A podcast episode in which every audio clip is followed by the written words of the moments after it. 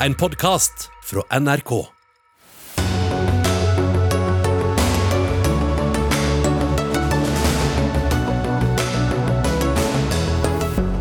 KrF vil endre loven så politiet kan ransake deg bare de mistenker at du bruker narkotika.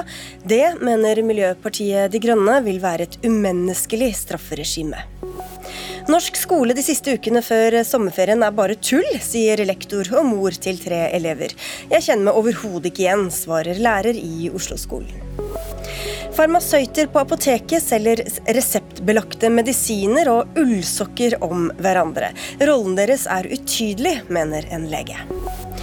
Og trenger vi egentlig en utvidet utgave av Høstutstillingen som appåtil gjør narr av kongehuset? Spørsmålet kommer bare dager etter feståpningen av det nye Nasjonalmuseet. Arrogant og nedlatende kritikk er museets eget svar. Og det er noe av dagens innhold i Dagsnytt 18 presentert av eh, Sigrid Solund. Hva skal politiet ha lov til å gjøre når de mistenker at noen bruker ulovlige rusmidler? Skal de kunne ransake kroppen, leiligheten, ta klærne av den mistenkte og sjekke kroppens hulrom? I fjor presiserte Riksadvokaten at politiet ikke uten videre kan ty til sånne tvangsmidler, noe som var utbredt praksis i en del politidistrikter. Men nå vil dere gi politiet flere virkemidler for å bekjempe narkotikakriminalitet. Kjell Ingolf eh, Ropstad, du er stortingsrepresentant for KrF. Politikerne må lytte til politiet, skriver du på Facebook. Og hvordan vil politiet merke at KrF lytter til dem i denne sammenhengen? Først er det jo nødvendig å si at Vi har jo hatt en debatt over dette i lang tid. Eh, Solberg-regjeringa foreslo en rusreform som ble nedstemt. Og så har det, som du sier, kommet endringer i Riksrevisjonens retningslinjer ut til politiet. Som skapt, Presiseringer, i hvert fall. Ja, som har skapt en del usikkerhet rundt om i politiet. Så KrF har fremma et forslag i Stortinget der vi har fire forslag. Blant annet det at eh, rus, eh, den helsebehandlingsreformen som jeg tror hele Stortinget var enige om, den må komme. For det paradoksale nå er at du har fått de facto avkriminalisering uten behandlingsreformen. Men så er det jo det som du sier, eh, vi må ha tiltak og verktøy for politiet, sånn at det kan være en brikke i både det forebyggende arbeidet og òg da eh, i å ta de, de tyngre bakmenn, organiserte kriminaliteten, ja. som, som, er, som, jeg mener er viktig. Det, det er mange brikker i dette puslespillet, så hvis vi holder oss til hva politiet skal kunne gjøre, og hva som skal til for at de skal kunne gjøre det, hva vil dere gi politiet anledning til som de ikke har anledning til i dag? Ja, jeg, mener at For det første må det komme en avklaring på hva som er lov. Uh, og jeg mener at det som Riksadvokaten har presisert, uh, har jo blitt kanskje tolka for strengt, og iallfall skapt en usikkerhet. Så det vi sier, er at det må presiseres. Og akkurat hvilke virkemidler de bør ha.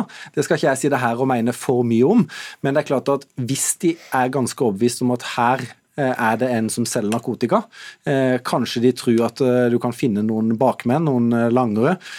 Så tror jeg, eller så mener jeg at politiet må ha verktøy, så de kan f.eks. ransake, undersøke, finne ut av mer info som kan gi de mulighet til å kunne ta noen av selgerne. Hvordan skal de mistenke, med mindre bakmannen står faktisk fysisk rett bak denne personen, at her kan jeg finne en bakmann, men her kan jeg ikke finne en bakmann? Veldig ofte så vil du jo kunne se at det her, eller du tror at det er et salg, og den som selger kriminelle må jo få narkotika fra et sted. Eh, så det å kunne få info fra vedkommende vil jo kunne spore deg videre bakover.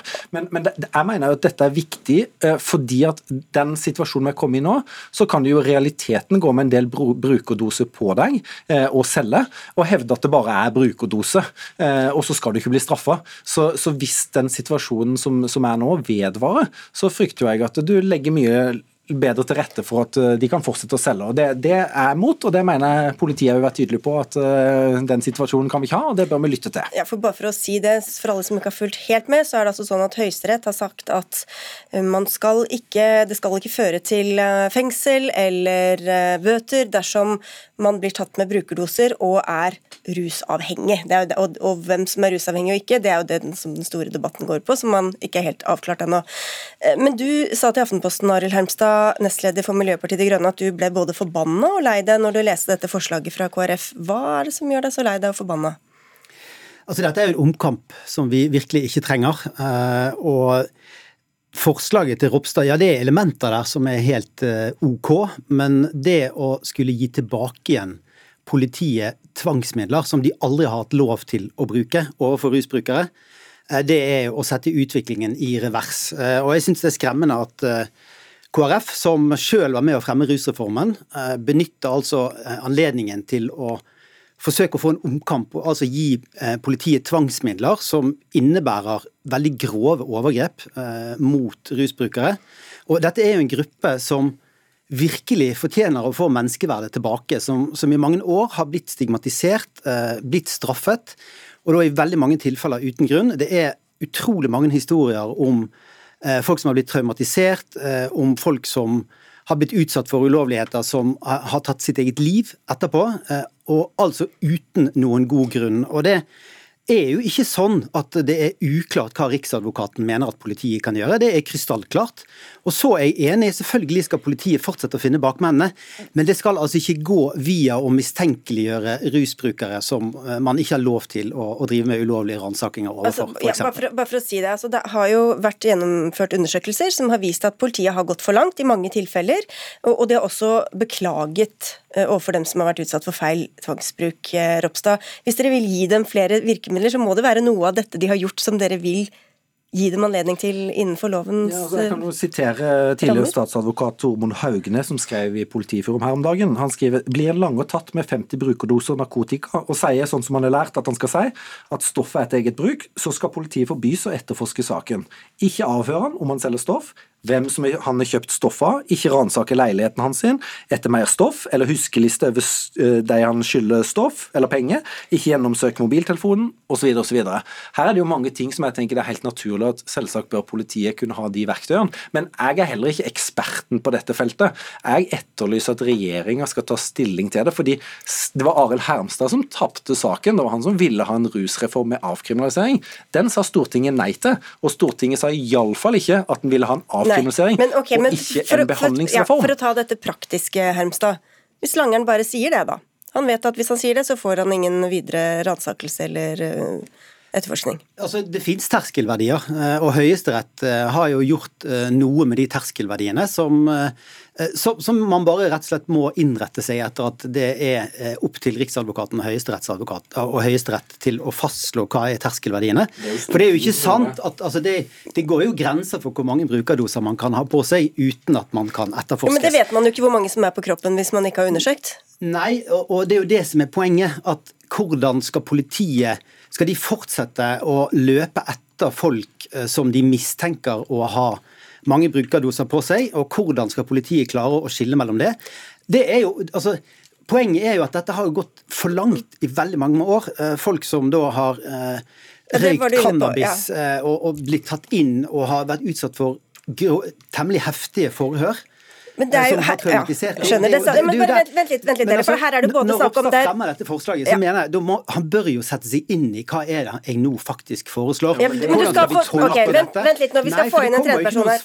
Et øyeblikk, Hermstad, et øyeblikk, du skal få ordet igjen også, Ropstad. Uh, men vi må bare skjønne litt mer av hva som er både For her er det både prinsipper og politikk og praktisk um, og lov. Bård Dyrdal, du er politimann i Oslo og leder av Leapscan, som er medlemsorganisasjon for politi- og justisfolk som ønsker forandringer i justispolitikken spesielt, men også særlig på ruspolitikken. Hva skal til i dag for at politiet med loven i hånd kan ransake noen, strippe dem osv.?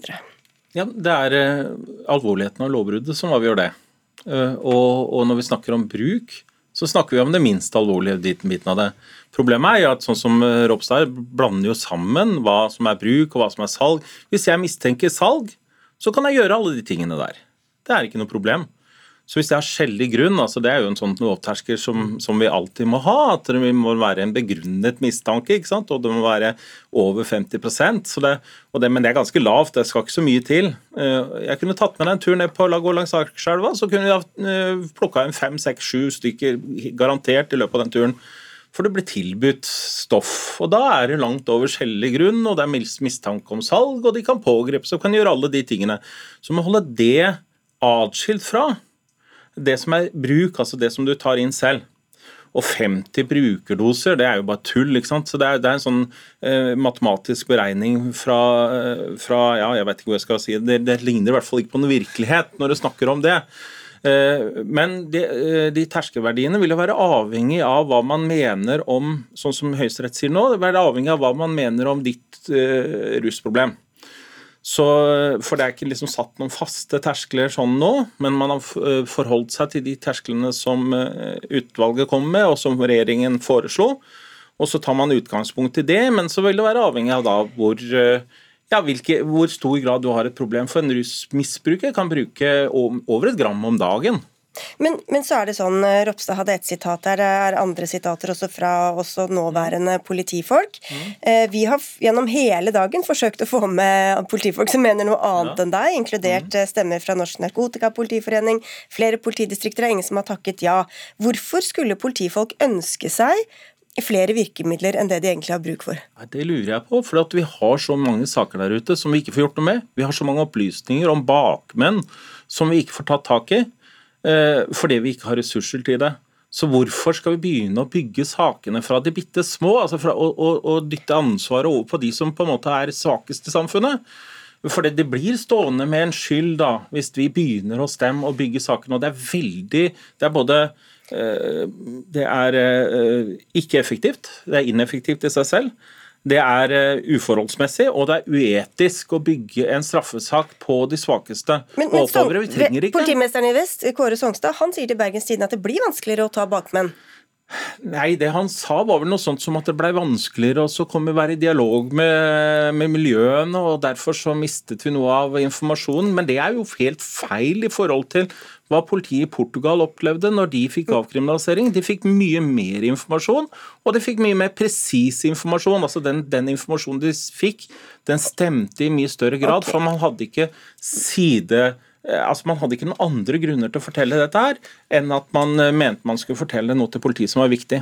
Ropstad, Hvordan vet du egentlig at flere sånne typer virkemidler vil tjene hensikten, og ikke tvert imot virke mot sin hensikt, som vi hører her? Nei, altså, men Jeg er enig i at vi må, må, rydde. fordi at uh, det, det, Salg og bakmenn organisert kriminalitet er én ting av det. Og Det har vært en nedgang det siste året med 30% i disse typer sakene. og jeg tror mye av det, eller det ifølge politiet sjøl, sier at det er pga. usikkerhet. og Derfor så ønsker jeg en avklaring.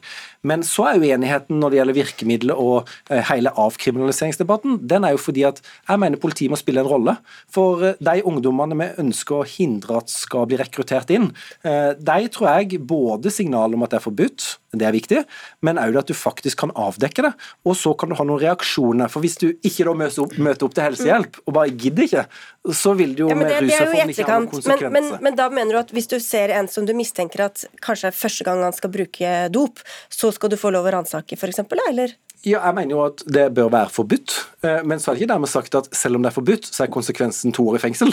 Nei, nei, Poenget men det er jo forbudt. ja, ikke sant? Og dermed må politiet ha kunnet virkemidler for å ta det. Ok, Så ikke bare der hvor du mistenker eh, salg og bakmenn, men også der hvor du vil forhindre Men, men okay. jeg vil jo òg ta avstand fra den type eksempler som jeg er helt enig med Arild Hermstad i at er over streken. Og det er sikkert blitt gjort en del, og det er rapporter vist fra politiets side som ikke er riktig.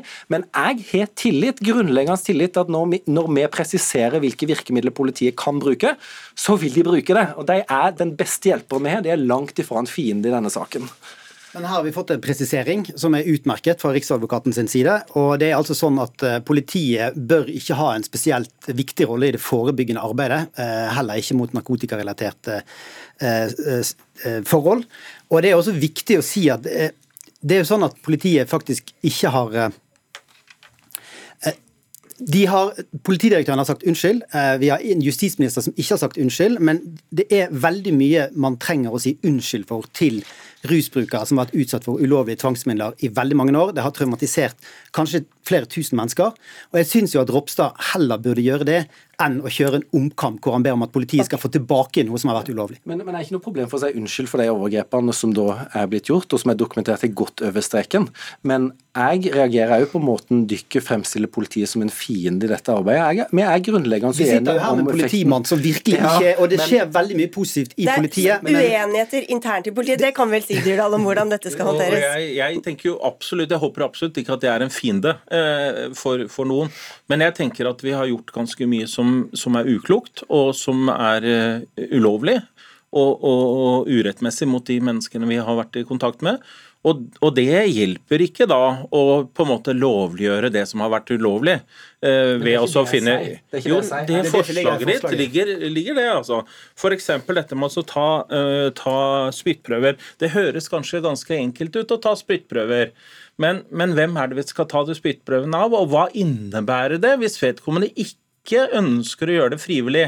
For jeg, eh, Vi kunne jo ha tatt et eksempel og vist hva det innebærer, Ropstad. Og okay. det danske brutalt uh, å bli utsatt for noe sånt med tvang. Da er det to mot én her, så Ropstad skal få ja, siste ord. Som jeg er jo grunnleggende uenig. Jeg er lovgiver, jeg er en del av Stortinget. Flertallet der Jeg har sagt vi ønsker ikke å avkriminalisere det. Og nå mener jeg at politiet bør spille en rolle. Uh, og det er vi som skal bestemme hvilke verktøy politiet skal ha. Det skal være innenfor menneskerettighetene, selvfølgelig. Og jeg har vært med på å nedprioritere arbeidet for å ta bruk og besittelse av narkotika narkotika, fordi jeg vil heller prioritere vold og overgrep mot barn, f.eks. Så dette er eh, kjempeviktig for meg å, å, presisere at her handler det om å hjelpe dem på en best mulig måte, og hindre at ungdom blir rekruttert inn i det. Og Den eh, lovede rusreformen fra dagens regjering kommer ikke før om kanskje halvannet år, så det rekker mange debatter før den tid. Takk skal dere ha, alle tre. Arild Hermstad fra Miljøpartiet De Grønne, Kjell Ingolf Ropstad fra Kristelig Folkeparti, og Bård Dyrdal, som er leder av LeapScan i eh, politiet.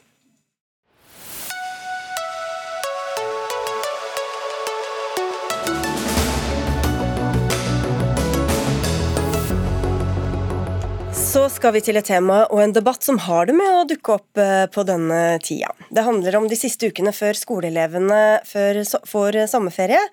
Skoler landet over flytter gjerne undervisningen ut av klasserommet og med et litt annet innhold enn resten av året, og dette skriver du veldig kritisk om i VG, Sanna Saroma. Du er lektor og forfatter, mor til tre elever og lærer for flere enn 70. Hvorfor er det så galt å ha et par annerledes uker rett før ferien? Altså, jeg vil jo bare si at mitt ståsted er det faglige. altså at Jeg ønsker jo å beskytte skolen som læringsarena. og jeg tenker at Vi skylder våre barn kunnskap. og som du var inne på, altså Dette er et stadig tilbakevendende tema. altså at Her har det ikke skjedd noe. Jeg har vært uh, mor til uh, skoleelever i elleve år. Eh, og, og, og, også lære nesten, nesten like lenge. Og, og, juni har alltid vært en, en, en, helt bortkastet læringsmåned. Så jeg tenker at vi skylder våre barn kunnskap. Eh, og det er ikke sikkert at, eh, at det er så mye kunnskap som hører til disse to siste skoleukene. Nå har De siste to dagene har jeg fått tilsendt ukeplaner fra hele Norge. og Det er sånn én dag eh, rydde og vaske klasserom, én dag levere bøker. altså Masse rare opplegg som kanskje bare varer et, en halv dag. altså Buvandringer, Peppes stranddag, en ny stranddag, en balldag. altså Det høres ut som en sommerleir som varer i to uker. Okay, og og det er jo ikke, det er jo ikke Du skal få ordet igjen, Saroma. Vi går til deg, Heidi Granberg. Du er kontaktlærer for fjerde klasse på Slemme Hemdal skole i Oslo. Hva driver dere med disse ukene før sommerferien? Er det bare spill og moro? Nei, absolutt ikke. Og jeg kjenner meg ikke igjen i denne kronikken. Eh, og det er jo derfor jeg ønsker å mene litt om det. Fordi jeg ser eh, kollegaene mine hver dag nå eh, strekker seg veldig langt for å lage gode undervisningsopplegg. Og sjøl så har jeg vanlig undervisning nå hele denne uka fram til fredag. Og så syns jeg òg eh, vi må stoppe opp og tenke litt hva er læring? Læring er mer enn eh, å sitte i et klasserom og ha matte, norsk og engelsk.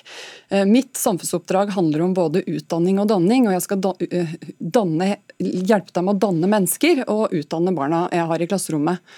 Og For meg er læring ut, utenfor klasserommet. Det handler om samspillsferdigheter, trene på samarbeid. og vi har en eh, overordna læreplan som sier noe om verdigrunnlaget i skolen nå. og der, der står det òg veldig mange ting vi kan trekke inn i sånne annerledesdager. Eh, vi har et mangfold av elever i klasserommet. Noen blomstrer når de får lov til å gå ut og oppleve en annen læringsarena enn i klasserommet. Ja. Saroma, jeg får høre på deg. Nei, altså jeg tenker at eh, Selvsagt kan læring foregå utenfor klasserommet. altså F.eks. i naturfag så er det jo helt fantastisk å gå ut. og Som, eh, som lærer selv, jeg lærer bl.a. i norsk og samfunnsfag, og i dag har mine elever, 57 elever, vært i mitt hjem, i Sigrid Undset sitt hjem og på dronning Sonjas barndomshjem på Maihaugen. Eh, og Det har jo vært et, et faglig opplegg knyttet til disse besøkene. Så jeg, så jeg, utelukker ikke, jeg mener absolutt ikke at all læring foregår i klasserommet. Men det er veldig mye av disse annerledesdagene, altså disse stranddagene, nu stranddag, Men hvordan vet du hva slags faglig opplegg de andre lærerne har lagt inn i balldag eller stranddag, da? Nei, det er jo Det kan man jo selvsagt ikke vite, men som jeg sa, at jeg har fått tilsendt tilsendt veldig veldig mange ukeplaner. altså at det har vært, eh, Denne kronikken har jo skapt uh, gjenklang uh, i foreldremassen og hos lærerne også. Og det er jo ikke, altså at Hvis du har to uker med annerledesdager, så er det jo ikke sikkert at du får liksom puttet inn så mye av det kunnskapsmessige og det faglige i de dagene når det er på besøk på Peppes. Og bare tenk hvor mange filmer som blir sett i norske klasserom i løpet av disse to siste ukene. Og Noe av denne problematikken skyldes altså det, Jeg ser selvsagt ikke bort ifra at dette f.eks. er annerledes i Oslo-skolen, eh, som motdebattanten kommer fra. At det er et høyere faglig trykk eh, i Oslo-skolen. altså at Jeg er jo lærer på Hamar og mor på Lillehammer. og det er jo liksom Innlandet er jo ikke akkurat kjent for kunnskap og kompetanse. Men, men, Uff da, det var det mange fornærmelser på en gang. Du har fått eh, reaksjoner fra hele landet, men du har vel også fått, eh, eller vi har også fått reaksjoner fra hele landet, Granberg, med andre ja, jeg har snakka med mange lærere som både ble provosert og lei seg, som jobber veldig mye nå med å lage gode undervisningsopplegg både i og utenfor klasserommet. Og Sjøl har jeg jo vært lærer på, i Innlandet i tolv år, eh, og har en helt annen erfaring med det. Og så tenker jeg da at eh, Etter to og et halvt år med pandemi, om vi, om vi tillater oss å spise sammen eh, en ekstra gang, da tenker jeg det har elevene våre bare godt av nå, etter å ha mista så mye sosialt. Så de har også mista mye skoleinnhold, da, som man kanskje det. kunne sett annerledes på. Derfor så tenker jeg at dette er noe vi må løfte på hver eneste skole, og det har vi gjort på min skole. Har, dette er ikke en ny debatt på min skole, dette har vi jobba med de siste åra, der vi hele tida har sett fokus på læring og elever i sentrum, og vi har sett fokus på elevers beste. og da er det en variert skoledag, både ute og inne, med annerledesaktiviteter, med faglig innhold. Det er det elevene våre har tjent med, slik at vi treffer alle. At de lærer å vaske seg rom, det er kanskje mange foreldre egentlig ganske fornøyd med, eller? Var dette et spørsmål ja. til meg? Ja, altså at eh, Man må jo vaske pulten sin uh, når det er siste dag, men, uh, men, jeg har alltid liksom stilt meg litt undrende til at man setter en hel, hel dag til å vaske pulten sin. eller barne, På barneskolen kunne de bruke en hel uke. Men, men jeg tenker at, uh, at, vi må tenke at, altså, at om det tjener uh, egentlig skolens opplegg at man har to uker med annerledesdager på, i rekke og rad. At kanskje man kunne spre dem. Men, men, tillegg, vet, kan... du det? vet du det at det er to uker med annerledesdager på de fleste skoler? Jeg har nå fått veldig mange ukeplaner som sagt tilsendt, og så har jeg mine egne barns ukeplaner. Altså sånn som Forrige uke så møtte de ikke opp en eneste dag på skolen. og Det var sånne halve, korte dager hvor de gjorde et eller annet. Men Hvordan vet du at det er representativt, egentlig? Altså, uh, vi har jo antakeligvis ikke noen statistikk på dette, men det er jo en grunn til at denne debatten kommer år etter år etter år. Og det er jo en stor frustrasjon i foreldremassen over at, at dette skjer. Og det har jo noe med å, med å gjøre at standpunktkarakterene på ungdomstrinnet at de deles jo ut uh, helt i begynnelsen av juni eller siste mai. Uh, og etter at man har delt ut standpunktkarakteren, så er det noe av dette med at uh, um, at lærelysten forsvinner, eller motivasjonen, den eksterne motivasjonen til elevene forsvinner. Og det har, Dette har vært enda verre på videregående nå uten eksamen og ingen fraværsgrense. Jeg er med i en sånn Facebook-gruppe for fransklærere hvor det var en som, som spurte desperat at hvordan skal jeg få elevene til klasserommet, hva skal jeg finne på for at de ja, finner det meningsfullt å sitte i klasserommet nå? Hør med deg om det, Heidi Gramberg. Hvordan skal, hvorfor skal elevene dukke opp i det hele tatt? Nei, altså Jeg jobber jo på barnetrinnet, og der dukker de opp. Og jeg kjenner meg ikke igjen i dette her at vi har to hele uker med annerledesdager. Det er kanskje én dag der vi har litt annerledesdag, og en time der vi vasker pulta våre. Så jeg syns dette er en måte å ytre seg om skolen på som jeg ikke kjenner meg igjen i. Hvorfor litt... tror du debatten dukker opp år etter år, da? Hvis ikke Nei, det er representativt? Jeg, jeg, sitter ikke her og sier at dette ikke skjer, for det syns jeg er veldig dumt å ytre seg på vegne av en hel profesjon. Jeg ser, eh, jeg jobber med så mange dyktige kollegaer som tar elevers beste på, eh, på alvor. Men det er jo elevenes beste jeg snakker om også. Altså at jeg beskytter skolen ja. som kunnskapsarena. Det er jo ikke, jeg, snakker, jeg tar ikke opp denne debatten for at jeg skal snakke ned lærerne. Altså det er jo, jeg har, jeg har lyst til å verne om skolen som en kunnskapsarena, ikke en arena for stranddag, én stranddag, to, to stranddag tre. Og det er kjempefint hvis det er annerledes på din skole. Da er du heldig, da har dere det veldig bra. Men ut fra den responsen som jeg har fått, så er jeg inne på noe. Granberg. Ja, men eh, jeg har fått en annen respons enn deg, så jeg tenker at dette ser vi nok litt forskjellig på. Men jeg, jeg tror vi må, jeg vil gjerne ta vare på den skolen der det er plass til alle, og der vi har en variert skolehverdag som treffer alle elever. Så Jeg tenker at vi, jeg syns det er kjempeviktig å løfte en debatt om dette her, men først og fremst, hvis jeg hadde vært veldig uenig i det, i min skolehverdag på min skole, så vil jeg ha løfta fram det på egen skole med mine ledere og i mitt profesjonsfellesskap. Og det tipper jeg skjer eh, på Lillehammer òg, eller Hamar, eller hva som var det eller andre. Men, jeg har først og fremst tatt dette opp med mine, mine egne barns okay. klasselærer.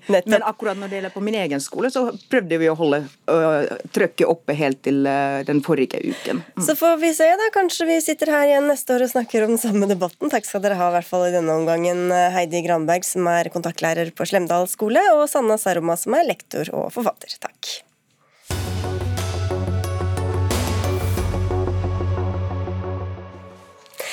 USAs president Joe Biden roser en ny tverrpolitisk avtale om å stramme inn våpenlovene i landet. Avtalen kommer i kjølvannet av den nest dødeligste skoleskytingen i USAs historie, og en rekke andre skoleskytinger eller masseskytinger hittil i år. I juni har det bare vært én dag så langt uten noen masseskyting. Tove Bjørgaas, eh, USA-korrespondent med oss fra Washington DC. Hva er det denne avtalen inneholder egentlig?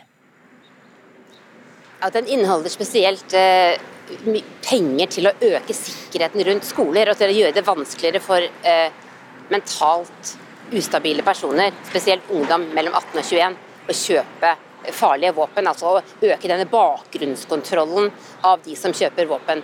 Det den ikke gjør, er å forby eh, salg av f.eks. dette angrepsvåpenet AR-15 som brukes i, i, mange skoleskytinger, eller å senke aldersgrensen for kjøp av slike våpen.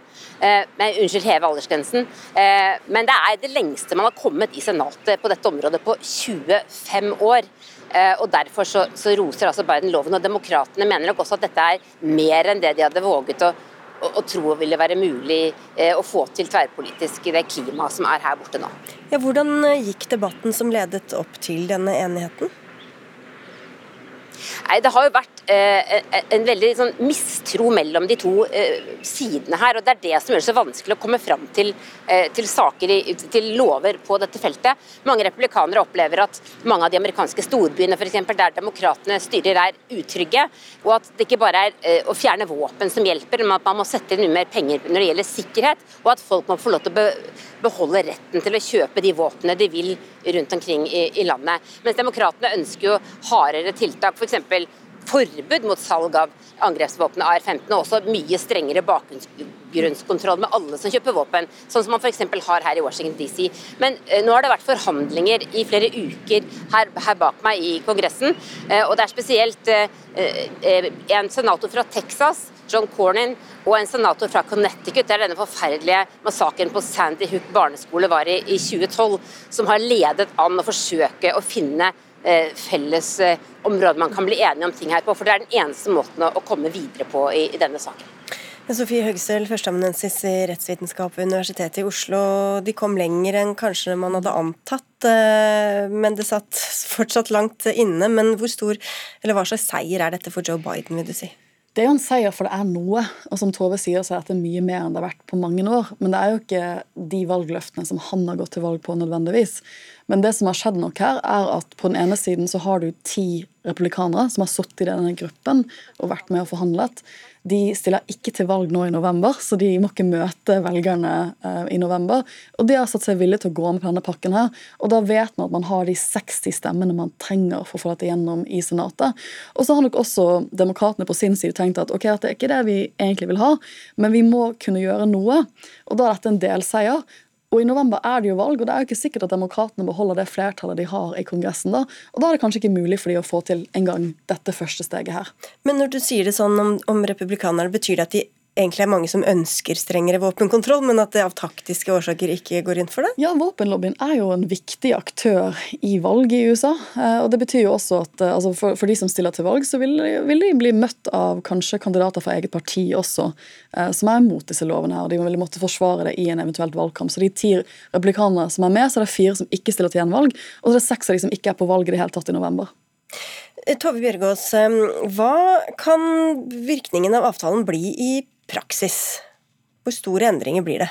Eh, altså må, ja, altså det er jo spesielt dette her med eh, å eh, sørge for at, at, ungdom som ikke bør ha slike våpen, ikke får tak i dem. At, at det skal være lettere for delstatene å, å eh, sørge for at for folk som, litt, som, har vært i kontakt med politiet før, eller som har, eh, vært i kontakt med psykisk helsevern, at de ikke får tak i våpen. Og så settes det av veldig mye penger også til eh, mentale eh, psykiske helsetiltak rundt omkring i landet som delstatene skal stå for knyttet til skolesikkerhet. Så, så det er nok det, det aller eh, viktigste.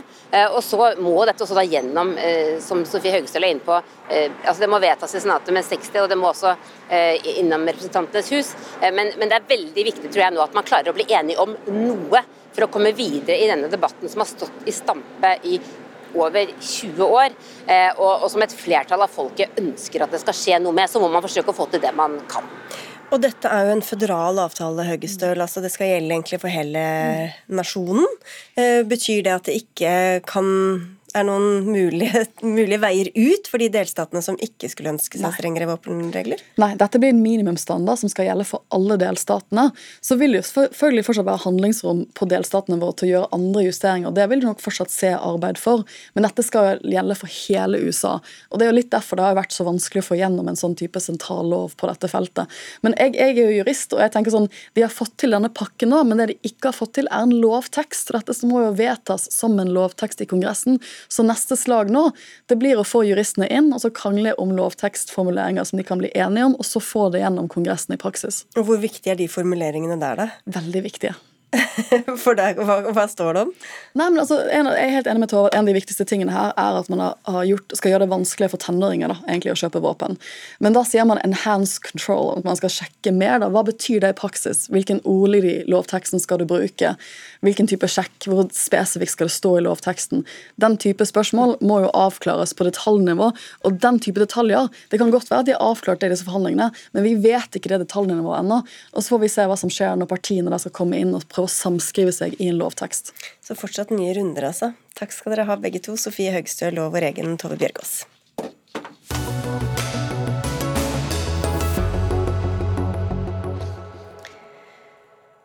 Sliter du med f.eks. migrene eller depresjon, ja da er det jo apoteket du ender opp på når du skal løse ut en resept. Men mens du er der, tenker du kanskje at du også trenger en ny hudkrem eller en ansiktsmaske, og denne sammenblandingen av reseptbelagte legemidler og kommersielt salg, det skriver du om i dagens Medisin, Tor Atle Rosnes. Du er lege og eh, seniorrådgiver ved Folkehelseinstituttet, men du stiller på vegne av bare deg selv i denne sammenhengen. Man trår ut av legekontoret som pasient og går inn i et apotek som kunde, skriver du. Hva er potensielt problematisk med det? Ja, det er at hvis du um er på et eh, legekontor, så, så er du aldri pasient.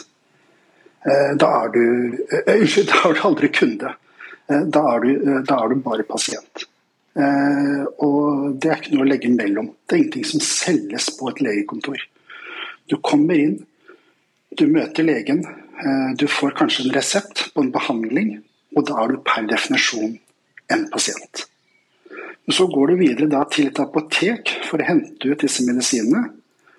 Og Der blir du møtt eh, av ulike personer, og hvor det er vanskelig å vite hvem som er eh, farmasøyt. Og Det er det som er det vanskelige i dette her. Eh, om apotekene klarer å ta det på alvor og skille mellom hvem som er pasient og hvem som er kunde.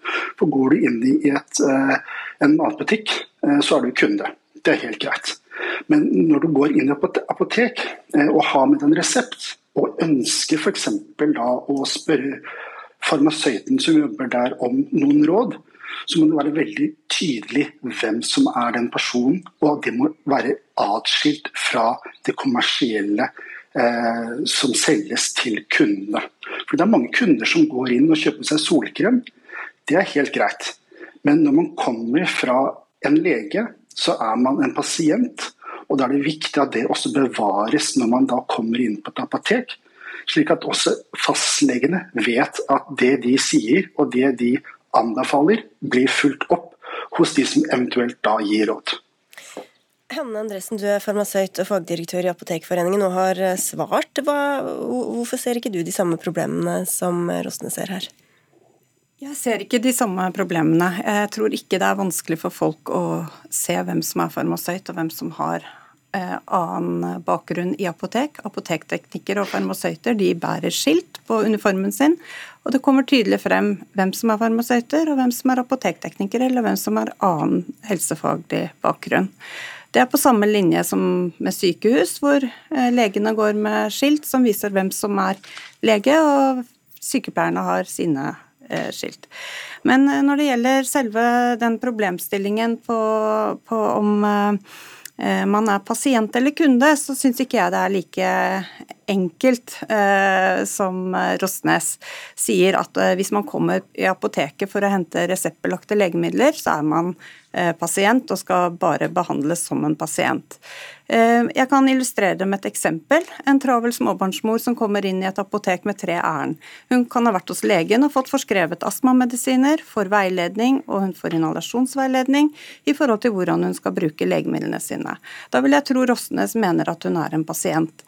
Men samtidig så kan samme kvinnen ha behov for paracetamol til sitt febersyke barn. Apoteket veileder da på eh, i forhold til hva slags produkt hun trenger. Er hun da en pasient eller en kunde? Og hvis hun samtidig trenger plaster for å ta med seg til hytta, er hun da en kunde eller pasient? Og jeg tror dette er en litt fiktiv og søkt eh, problemstilling som har liten praktisk betydning Rosnes. i apotekhverdagen. Mm.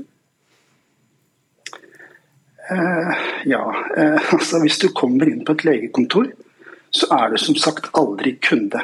Det er ingenting som blir solgt til deg der. Og Det er definisjonen på en kunde. Det er noe som blir solgt til deg. Så det handler om salg. Eh, og jeg syns det er vanskelig å ta råd fra en person som opererer, eller i hvert fall blander rollen, det faglige med det kommersielle. Det med å selge produkter og komme også med anbefalinger.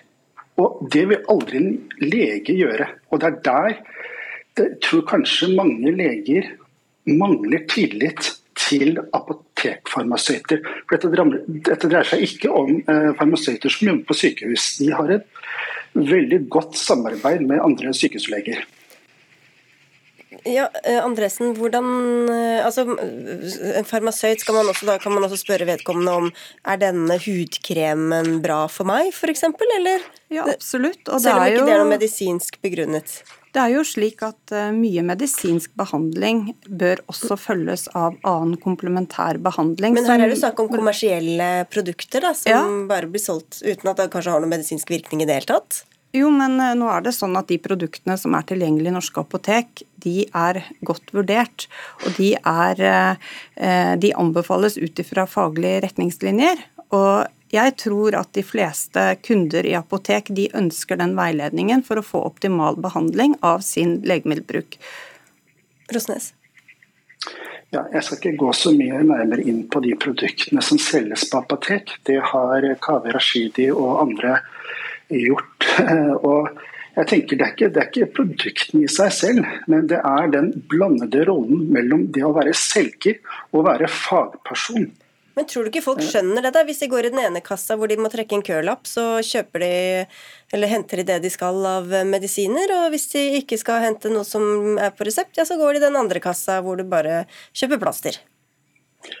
På en måte så er det greit, men så lanserer jo også apotekene eh, ting sånn som medisinstart hvor de da ønsker å komme med råd og anbefalinger til diabetespasienter og andre. Så det er det at de, de, de blander det med det der med å være faglig og være nøytral med det å være selger. Eh, og det er ikke en heldig kombinasjon.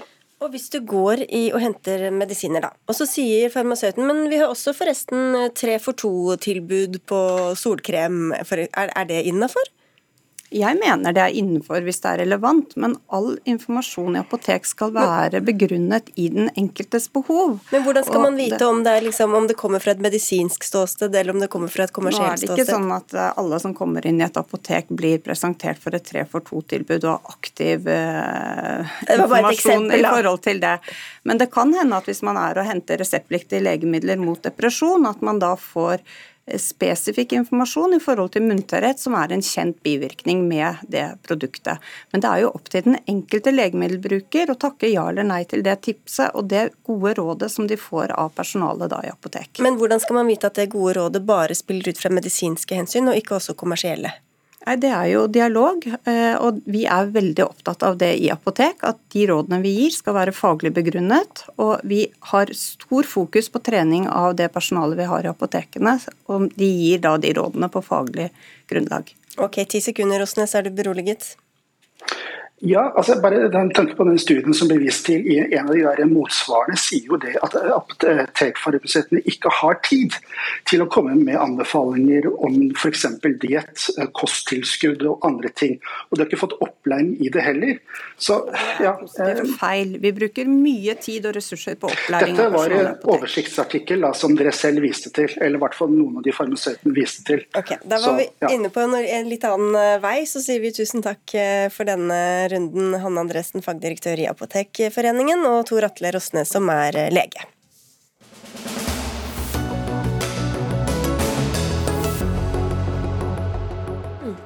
For en del eh, unge mennesker så representerer førerkortet på bil både frihet og den endelige overgangen til eh, voksenlivet. Men veien dit kan være humpete. Ikke minst kan høye kostnader være en brems for mange. Det ble mange ordspill her nå. Løsningen er å ta de inn i skolen, eh, sier du til VG, Alberte Tenne Bekkhus, du er leder i Ungdom.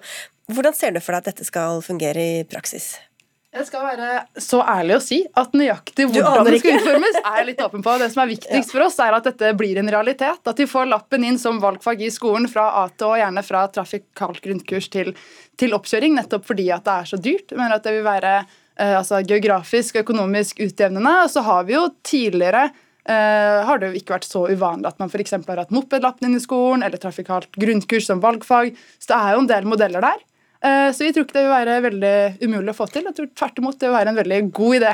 Det var jo befriende ærlig om ikke annet, da. Men Statens vegvesen anbefaler minst 140 timer til øvelseskjøring, og så er det vel noen obligatoriske timer som er et langt lavere tall. Så er det i den ene av skalaen, eller er det bare det obligatoriske du ser for deg? I første omgang tenker jeg nok det obligatoriske, at det bør skje i samarbeid med kjøreskolene som vi har. Og hvis man også får inn mer øvelseskjøring, tenker jeg bare bare det er fint. men det litt, litt flere velferdsprofitører inn i skolene? Ja, jeg vil jo ikke si at man kan sammenligne en kjøreskole med et altså, kommersielt uh, eldrehjem. Man må jo starte et sted. Og, vi, og, første steg må jo være å få det her til, sånn at den prislappen på 30 000 kroner ikke blir, et, blir til et hinder for mange unge som det, vi ser at det blir i dag. da. Uh, så vi ser for oss at det vil være fullstendig gjennomførbart. Gjerne starte med det obligatoriske, og hvis det er rom for mer, så flott. Men det viktigste er jo igjen der den store prislappen ligger, at det er det som må bli tilgjengelig. da. Tonje Nilsen, du er sentralstyremedlem i Unge Høyre. Hvorfor ikke la ungdom ta lappen gratis i skolen?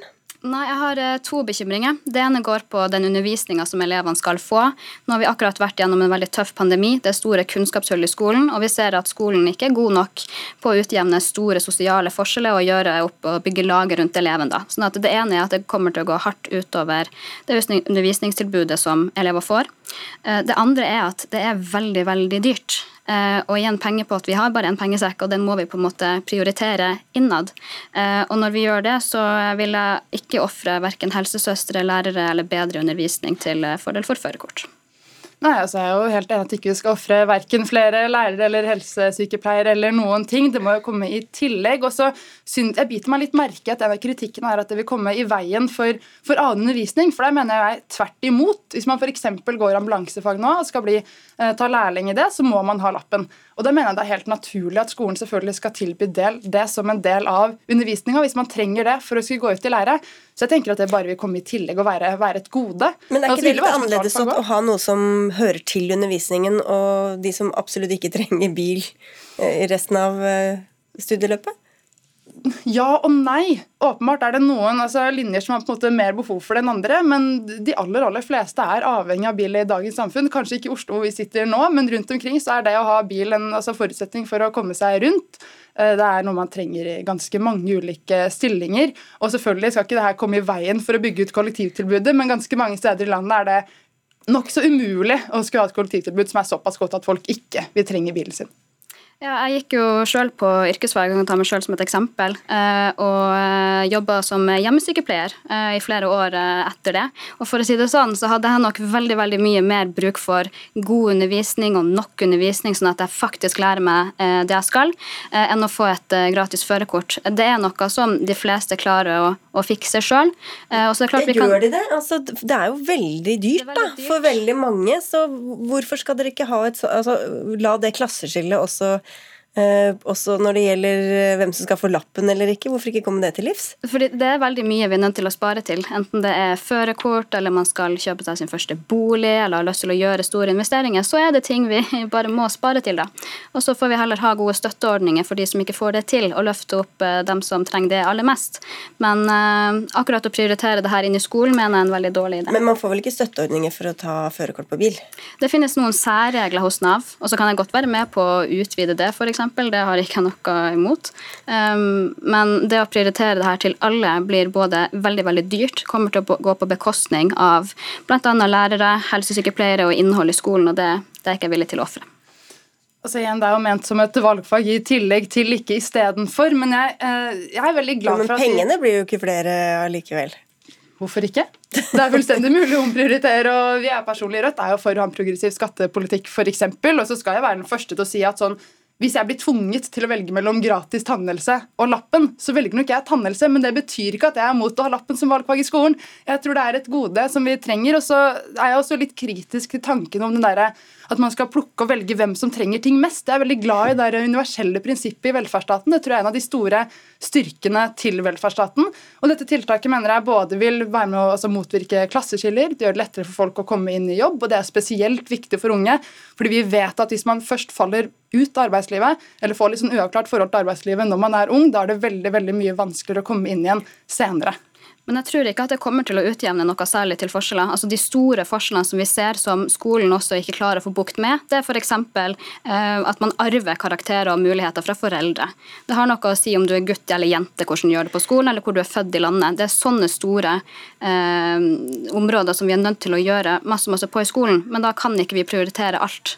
Vi må prioritere det som er viktigst. Mm. Altså, jeg blir veldig glad for å høre Unge Høyre argumentere for, altså, mot forskjeller og for Rødt sin skolepolitikk, som handler om nettopp å utjevne forskjeller og eh, fjerne lekser som vi mener at viderebringer klasseskiller, og det ene med det andre.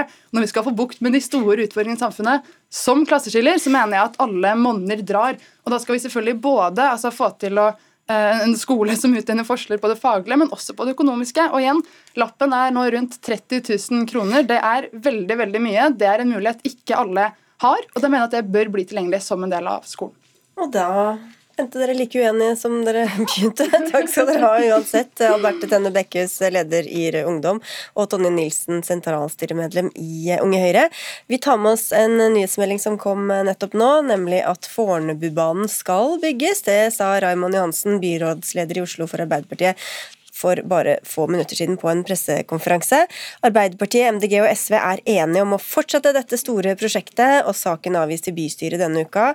Som NRK tidligere har meldt, så er grunneierne langt, langs Fornebubanen villige til å betale to milliarder kroner mer og vel så, noe som gjør at den totale summen fra grunneierne er på mellom fire og fem milliarder kroner.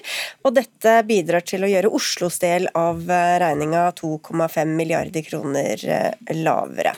Etter den siste milliardsprekken ble kjent i april, så har det vært en reell fare for at hele banen kan bli skrotet. Men nå er det slått fast at den drøyt 8 km lange T-banen mellom Majorstua og Fornebu altså blir en realitet.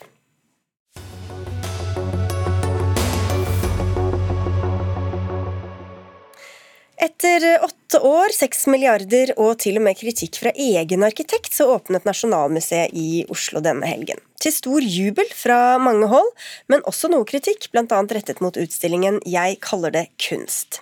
Det er en samling med verker av nesten 150 kunstnere som ikke fantes i museets samlinger fra før. Og du er stilt ut her, kunstner Lena Trydal med bildet Folkekongen, et maleri av kongefamilien som viser kongen sittende i helsetrøye og slippers. Kronprinsesse Mette-Marit står og røyker, og dronning Sonja sitter på huk og prater i telefonen.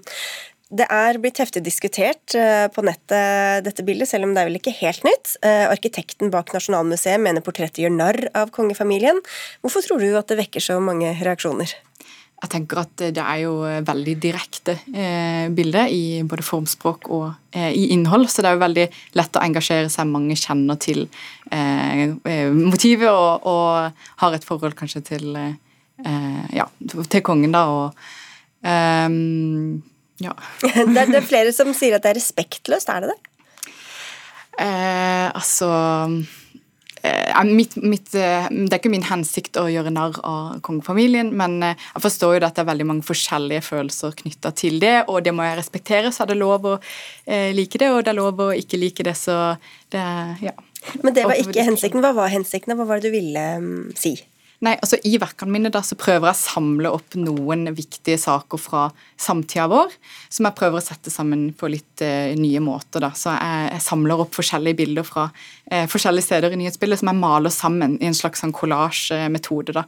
Så målet mitt er jo da uh, at vi kan se noen bilder i et nytt lys, og at det kan starte noen diskusjoner. Og det har de jo gjort, da. De som følger oss på TV, har kunnet se det litt på mm, skjermen nå. Lars Shelton, kunstanmelder i Dagsavisen, hvorfor tror du at akkurat dette bildet har fått så mange reaksjoner?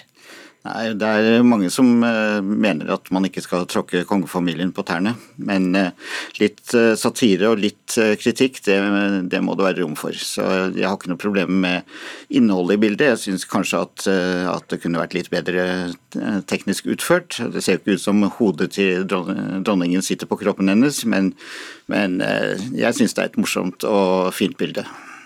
Glemte du å feste hodet, Truva? altså det blir jo litt sånn når man jobber, De har jo åpenbart ikke vært modell for meg. Så når man jobber i sånn kollasjteknikk, så, så, blir det litt sånn. Og det sier jo kanskje noe om hvordan jeg jobber. og røper det menneskelige. Men dette er også en del av denne nye utstillingen. Elton.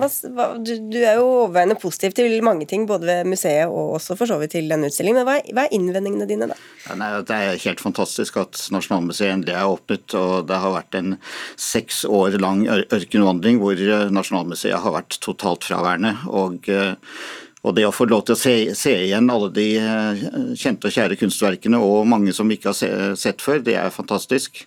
Men det er mange svakheter med denne åpningsutstillingen, og også med samlingspresentasjonen. Men eh, hvis vi først skal snakke om eh, jeg, jeg kaller det kunst, så her har jeg to hovedinnvendinger, og det er informasjon og, og, tilgjengelighet. Museet sier jo at de ønsker å inkludere alle, men, men en tredjedel, eh, altså den utstillingen består av tre deler.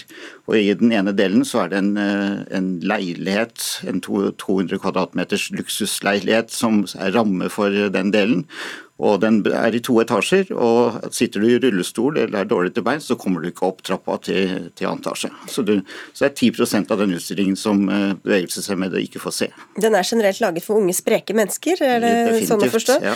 ja Samlingsdirektør Stine Høgquist ved Nasjonalmuseet. Både dette bildet, men også resten av eh, utstillinga. Hva, hva sier du til, eh, til den kritikken som er kommet? Skal vi börja med bilden då så kan jag bara säga då som drottning, drottning Sonja hade ett fantastiskt öppningstal den 11 juni.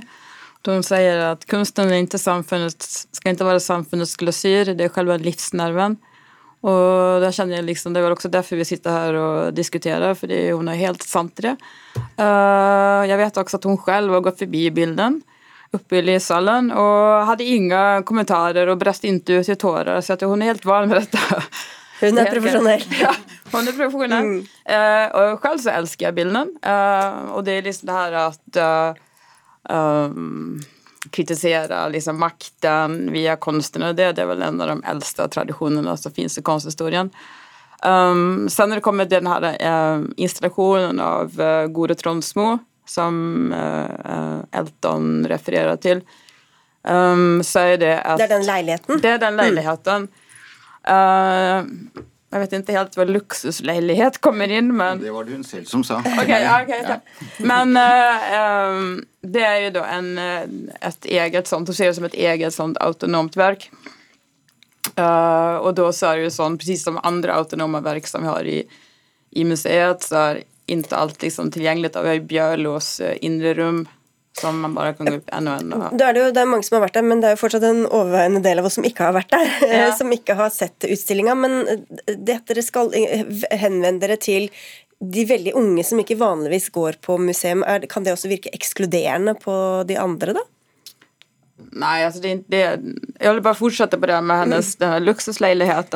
Uh, för det är också sånn att vi har också tänkt på de som inte kan gå upp eller som, inte kan, eller som sitter i rullstol eller har en slags funktionsvariation som gör det vanskelig. Uh, så då har vi också, nu vet jag att Elton inte är fan av QR-koder heller, men vi har en, en QR-kod där du kan se fantastiska som 3D-bilder uh, av själv, allt som hänger liksom, i hennes installation. Uh, og det är också när det kommer till det med tillgänglighet så handlar det inte bara om att tänka tillgänglighet i, uh, för de som är på utställningen. Du, kan jo också se det liksom digitalt, var du än sitter i, i världen då, så kan du uppleva det. Men, men, du kaller det en utvidet uh, utgave av høstutstillingen. Uh, Lars Helton, hva ligger i det? Nei, det er jo det. Det er en gigantisk utgave av høstutstillingen. Det er akkurat den, uh, så å si den samme metoden. Det er 64 av, av kunstverkene i utstillingen er kommet til via åpen innsending og på en digital plattform. og og sånn at uh, Nasjonalmuseets uh, kuratorstemme uh, bak denne utstillingen er veldig utydelig. Um, ja, jeg er ikke enig. Surprise!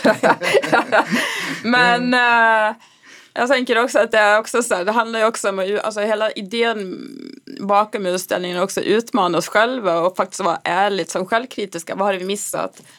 Sig att de här verken eller konstnärskapen inte är i, i vår samling?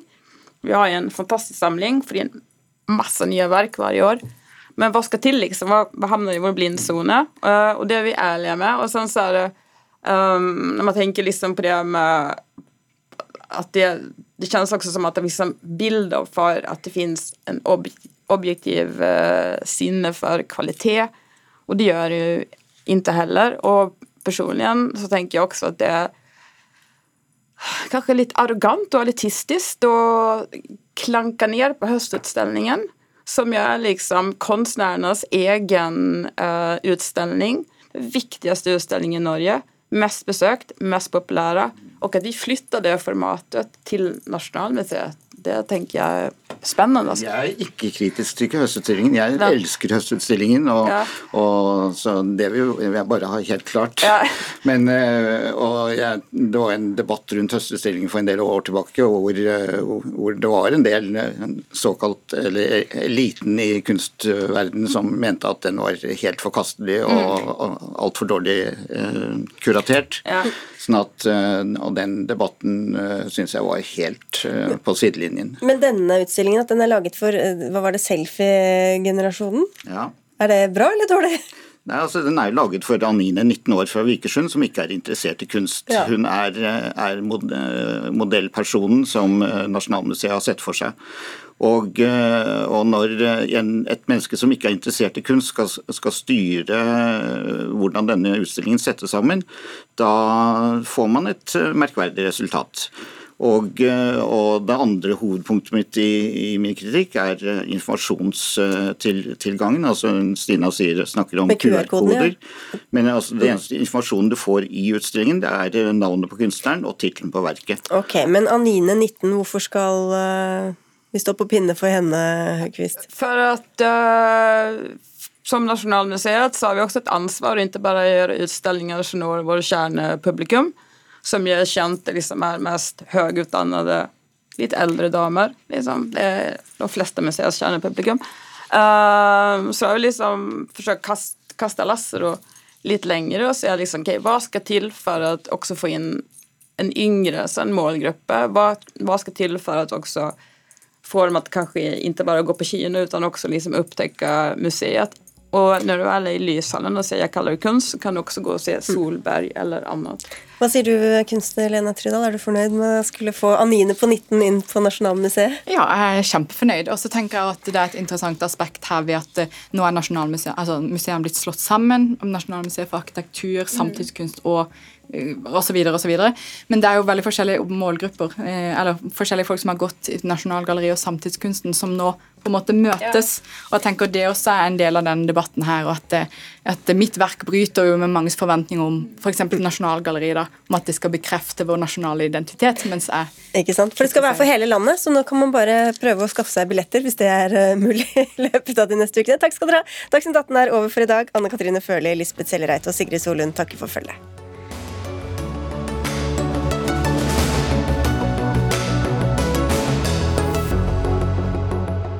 Du har hørt en podkast fra NRK. Hør flere podkaster og din favorittkanal i appen NRK Radio.